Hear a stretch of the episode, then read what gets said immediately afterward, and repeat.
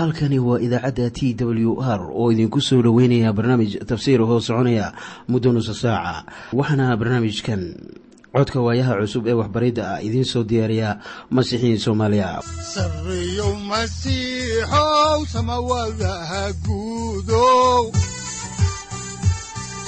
Siraadkii adduunkow subanaha eebow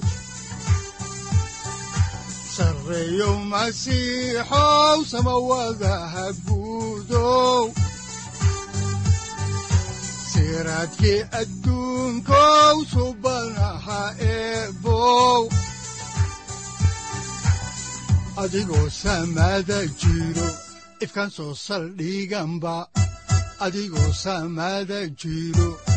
soo saldhiganba kutubtiisanaye wuxunogu saaciiday sharxin sifahaaga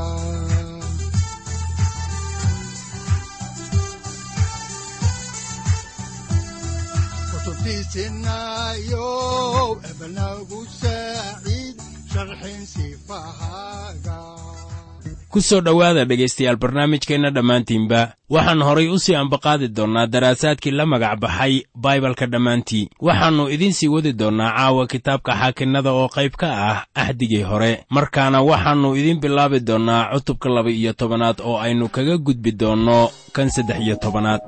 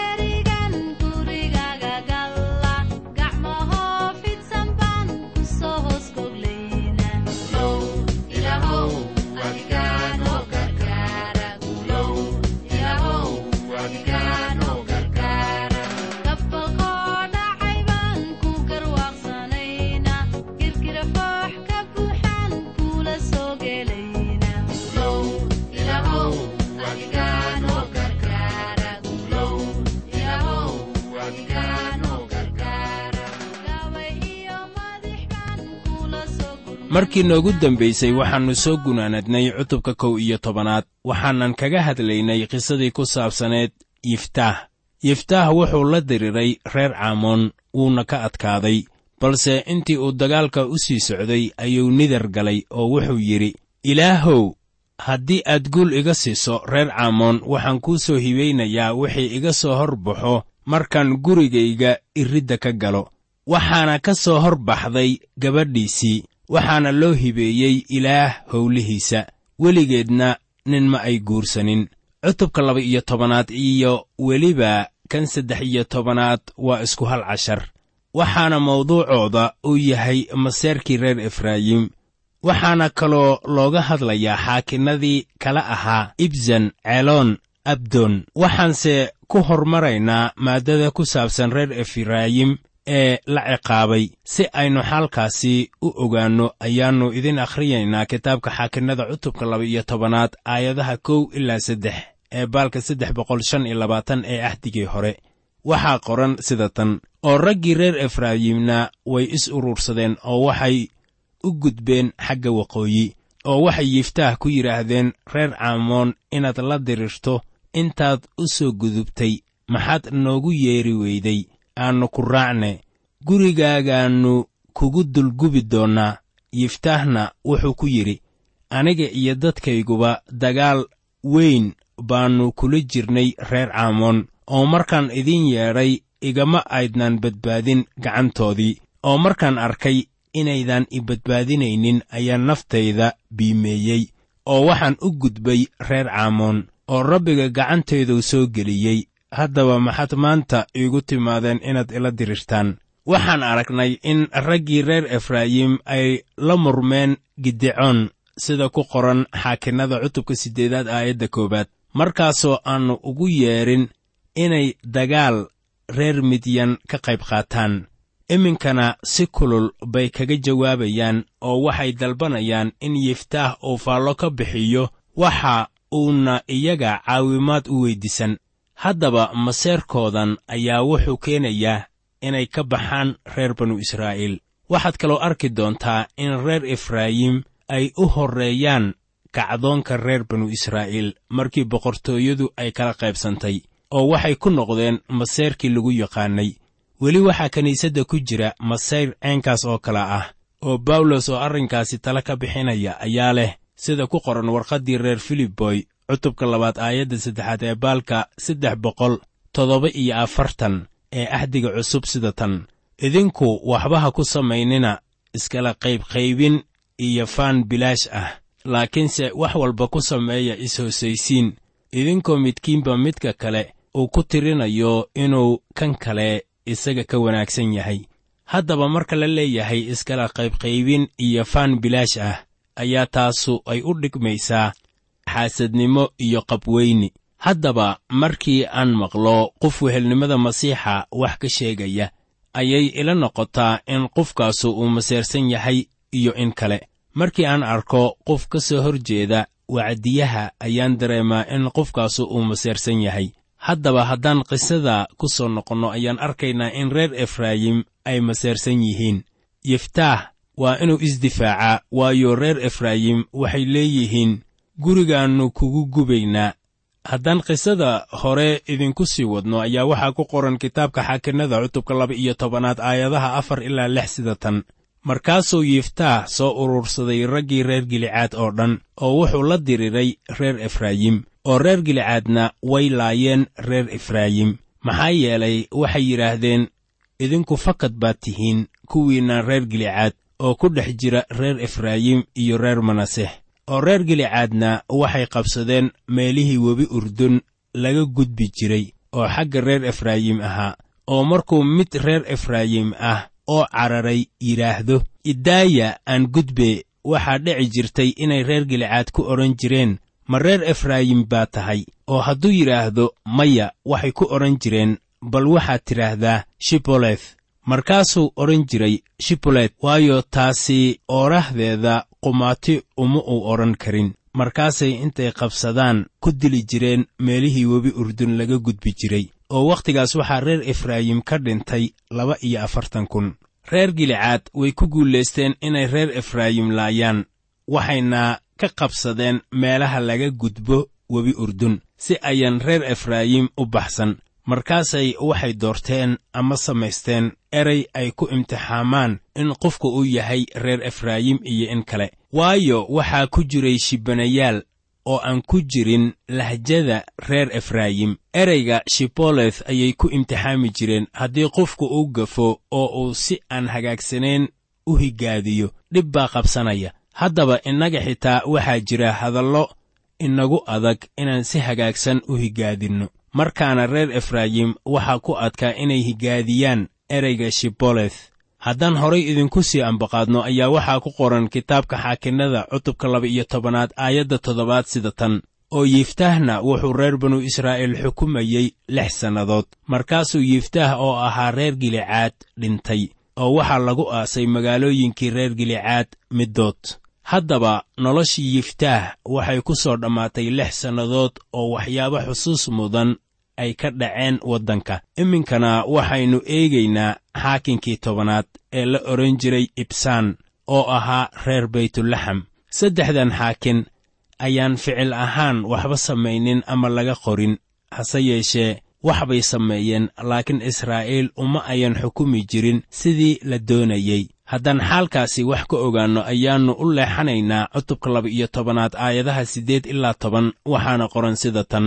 Isaga dabadiisna waxaa reer banu israa'iil xukumi jiray ibsaan oo ahaa reer baytlaxam oo wuxuu lahaa soddon wiil oo soddon gabdhana wuu bixiyey. Soddon gabdhoodna wiilashiisu dibadda uga keenay oo isna reer banu israa'iil wuxuu xukumayey toddoba sannadood markaasuu ibsaan dhintay oo waxaa lagu aasay beytlaxam haddaba waxaa laynoo sheegay markaan eegno qidcada kore in xaakinkanu uu ahaa reer beytlaxam haddaba beytlaxam waxay ahayd mid ka mid ah caasimadaha reer yuhuudda ee dhanka koonfureed. Wuxuu lahaa soddon wiil iyo soddon gabdhood. Waxay kaloo ila ahayd inuu niman u raadi doono gabdhihiisa. Intii uu wiilasha gabdho u raadin lahaa waxaan markaasi is leeyahay toddobadii sannadood ee uu reer banu israa'iil xukumayey gabdhihiisii niman uma uu keenin. Welibana wakhti uma uu haynin inuu reer banu israa'iil u garsooro. Ibsaan wuxuu ahaa nin wax waliba ee uu lahaa siiyey qoyskiisa taasina waxba kuma jabna laakiin sidaas ma ahayn wixii loogu yeedhay haddaba waxaa maanta jira waxyaabo badan oo aan macno lahayn oo dadku ay u qaataan mas'uuliyadda. Dadku si kulul uma qaataan xilka ay ilaah u hayaan oo waxaabaad arkaysaa kuwa aan xil iska saaraynin howlaha ay dadka ka dhex hayaan niman baa waxay leeyihiin waxaan u talinayaa dadkayaga laakiin ku arki maysid midkood dadka dhexdiisa magac ku leh.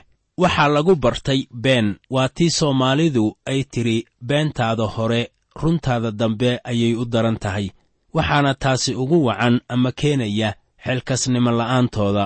Waxaa la doonayaa inay soo hormariyaan danta guud ee shicibka. Intii ay ka fakari lahaayeen calooshooda ama qoyskooda oo keliya. Waana wixii ibsaan oo ahaa xaakinkii tobanaad ee reer banu israa'iil uu ku sifoobay haddaan intaasi kaga gudubno xaakinkii ahaa ibsaan ayaannu iminkana eegaynaa eeloon oo ahaa xaakinkii kow iyo tobanaad. Haddaan xaakinkan ka eegno qorniinka cutubka laba-iyo tobanaad aayadaha kow iyo toban ilaa laba-iyo toban waxaa qoran sida tan. Dabadiisna waxaa reer banu israa'iil xukumi jiray eeloon oo ahaa reer sabaluun oo isna wuxuu reer banu israa'iil xukumayey toban sannadood oo eeloon oo reer sabaluun ahaana wuu dhintay oo waxaa lagu aasay ayaaloon oo ku taal dalka reer sabaluun labadan aayadood ayaa inoo sheegaya waxa aynu ka garanayno eeloon waxay u muuqataa inaannu waxba samaynin.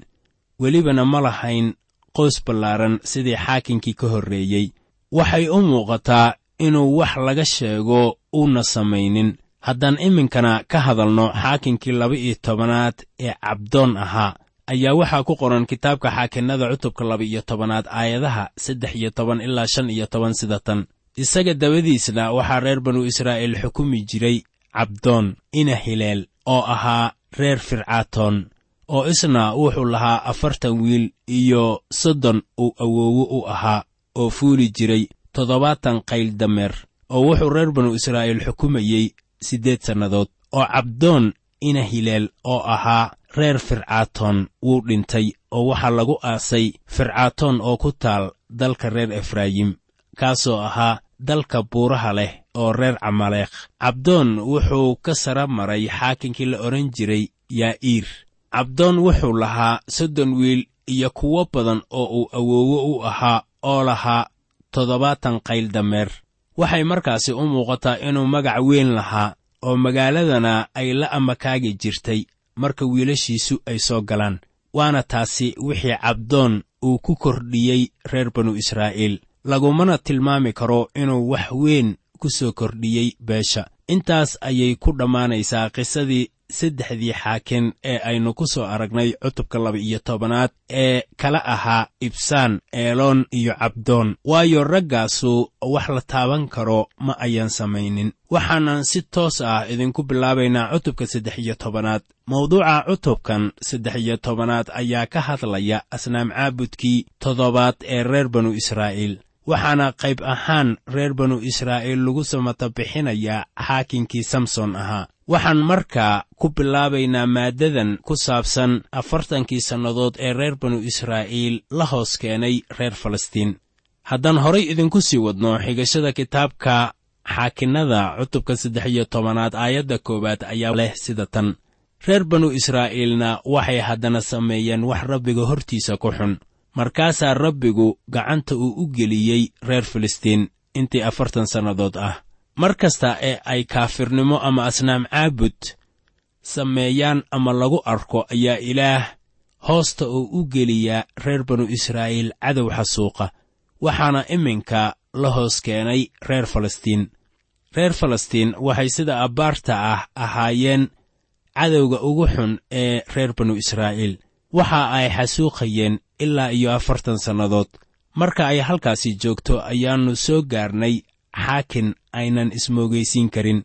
Magaciisu wuxuu ahaa samson wuxuuna ahaa nin magac ku leh taariikhda xaakinnada.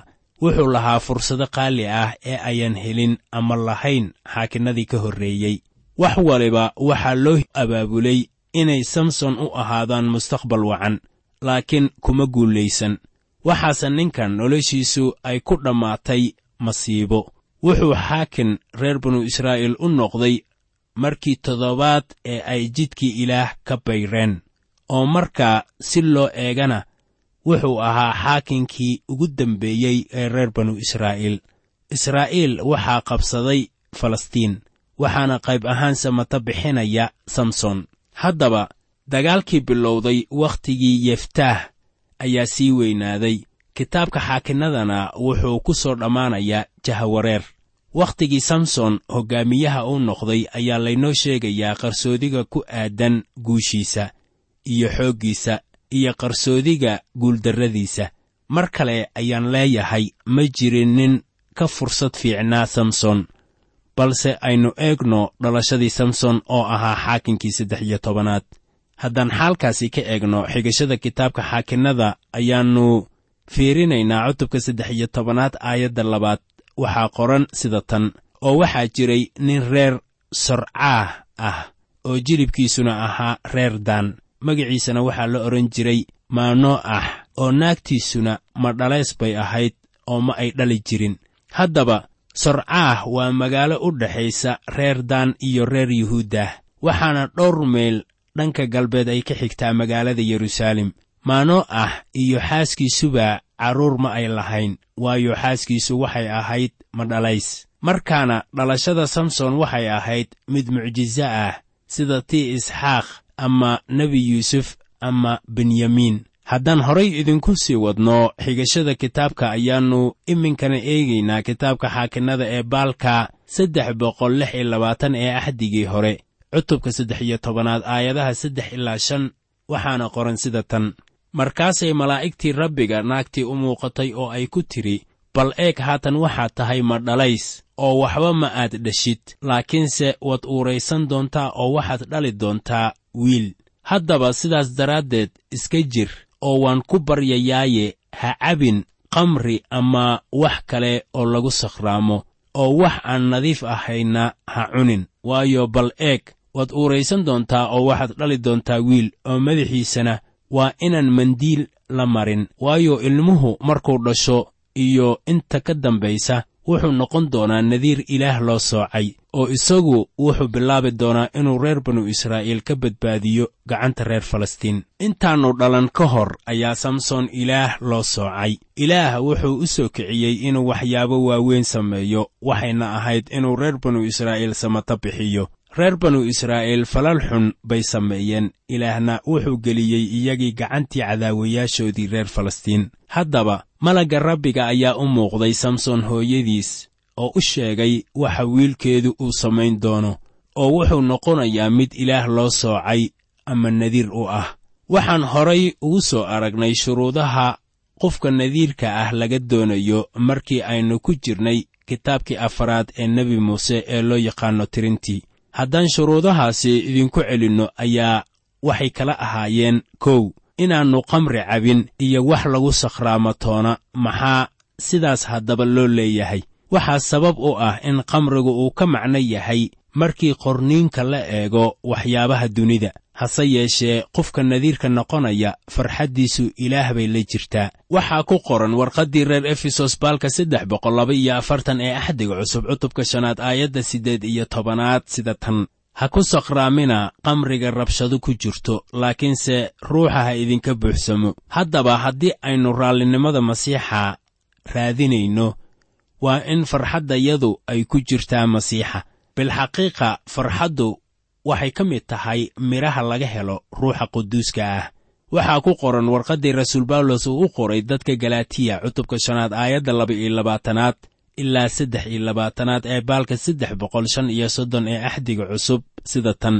Laakiin midhaha ruuxu waa jacayl farxad nabad dulqaadasho roonaan wanaag aaminnimo qabownimo iscelin wax caynkaas ah sharci ka gees ahu ma jiro.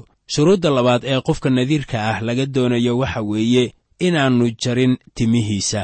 Maxay haddaba taasu ka micno tahay? Markaan eegno warqaddii koowaad ee reer korintos cutubka kow iyo tobanaad aayadda afar iyo tobanaad ayaa waxaa ku qoran sida tan. Dabeecadda qudheedu miyaanay idiin barin in ninku hadduu timo dheer leeyahay ay maamuus darro u yihiin isaga qorriinkuna wuxuu leeyahay timaha dhaadheer ninka ragga ah ceeb bay u yihiin. Tan saddexaad ayaa noqonaysa inaannu u dhowaan wax dhintay.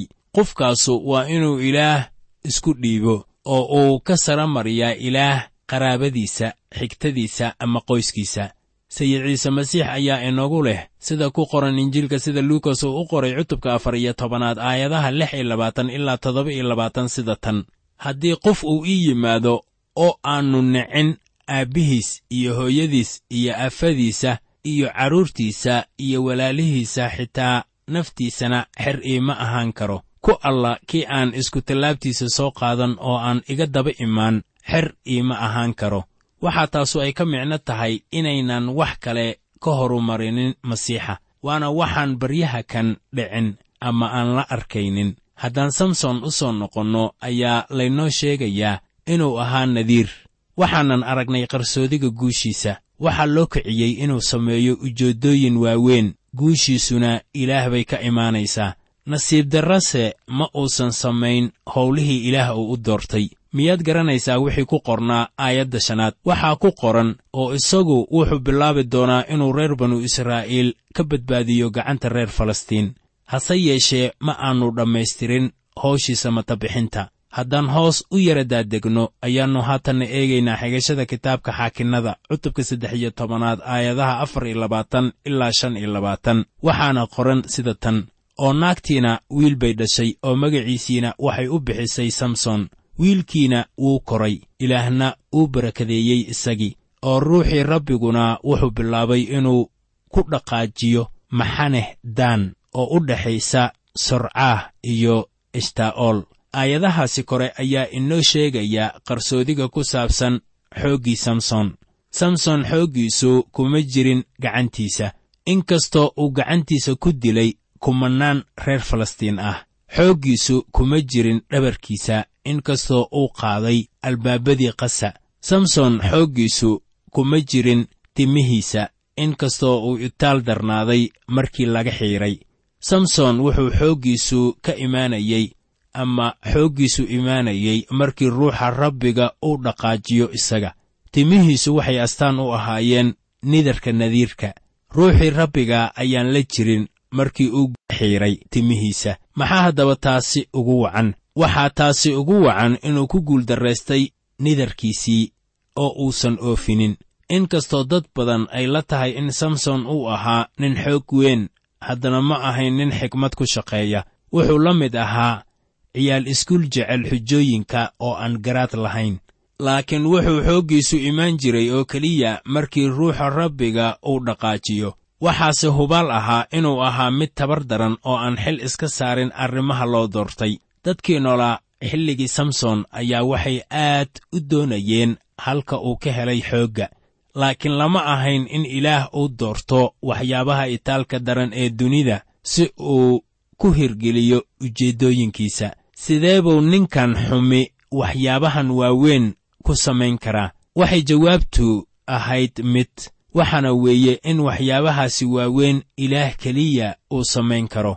Haddaan maaddadaasi intaasi ku dhaafno ayaannu eegaynaa maaddada ah samson oo gabar reer falastiin ah caashaqaya. Markaana waa wax la yaab leh in ninkii caynkan ah uu helo ruuxii rabbiga laakiin waxay ahayd caddaan in ilaah uu ka dhex shaqaynayay noloshiisa. Waxaase uu u muuqdaa inuuna xilkasnimo muujinaynin dhan waliba ee laga eega noloshiisa. Wuxuuna ku bilaabanayaa cutubkan afar iyo tobanaad aayadaha kow ilaa laba sida tan. Markaasuu samson tegey timnaad oo wuxuu ku arkay naag ka mid ah gabdhaha reer falastiin oo intuu soo noqday ayuu aabbihiis iyo hooyadiis u sheegay oo wuxuu ku yidhi waxaan timnaad ku arkay naag gabdhaha reer falastiin ka mid ah. Haddaa sidaa daraaddeed taas ii doona aan gursade waxaan idiin sheegayaa nin nacas ah oo keliya ayaa sidaasi yeelaya.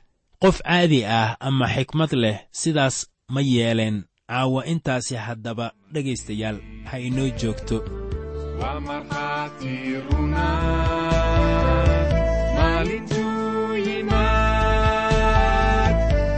inta moogaya murugo iyo dhibqaba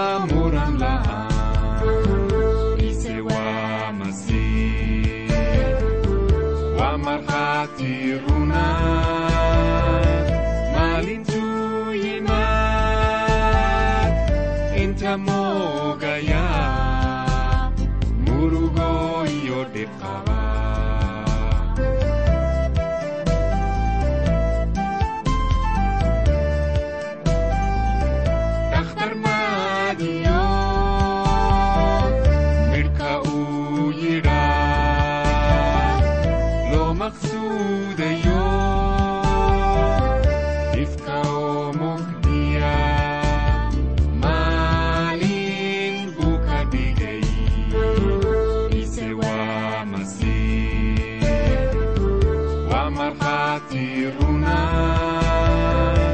maalintuu yimaad inta moogaya murugo iyo dhibqaba sareeyo masiixow samawadaha guudow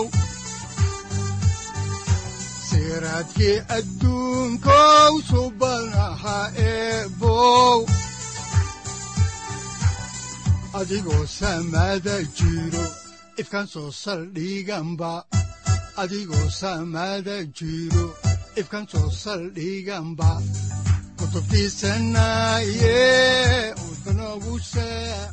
halkani waa t w r idaacadda t w r oo idinku leh ilaa ha idin barakeeyo oo ha idinku anfaco wixii aad caawi ka maqasheen barnaamijka. Waxaa barnaamijkan oo kalea aad ka maqli doontaan habeen dambe hadahan oo kale haddiise aad doonaysaan in aad fikirkiina ka dhiibataan wixii aad caawi maqasheen ayaad nagala soo xiriiri kartaan som t w r at t w r c o k e haddii aad doonaysaan in aad dejisataan oo kaydsataan barnaamijka ama aad mar kale dhegaysataan fadlan mar kale booqo www t w r o r g amase www t t b t w r o r g. Amase waxaad teleefoonkaaga ku kaydsataa ama ku download garaysataa agabyada ku sahli karaa dhegeysiga t w r haddii aad doonayso in laga kaalmeeyo dhinacyada fahamka kitaabka amase aad u baahan tahay duco fadlan fariimahaaga soo mari bogga aaraahda ama kommentska inana jawaab degdeg ah ayaanu ku soo diri doonaa amase ku siin doonaaye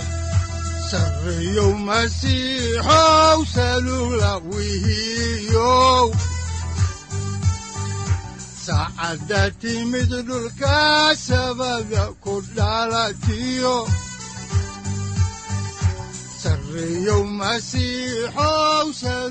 halkani waa t w r oo idiin rajaynaya habeen baraare iyo barwaaqaba leh inta aynu ka gaari doono wakhti aynu ku kulanno barnaamij la mida kan caawayay aad maqasheen waxa aan idinku leeyahay nabadda ciise masiix ha idinku badato xagga jidhka iyo ruuxaba aamiin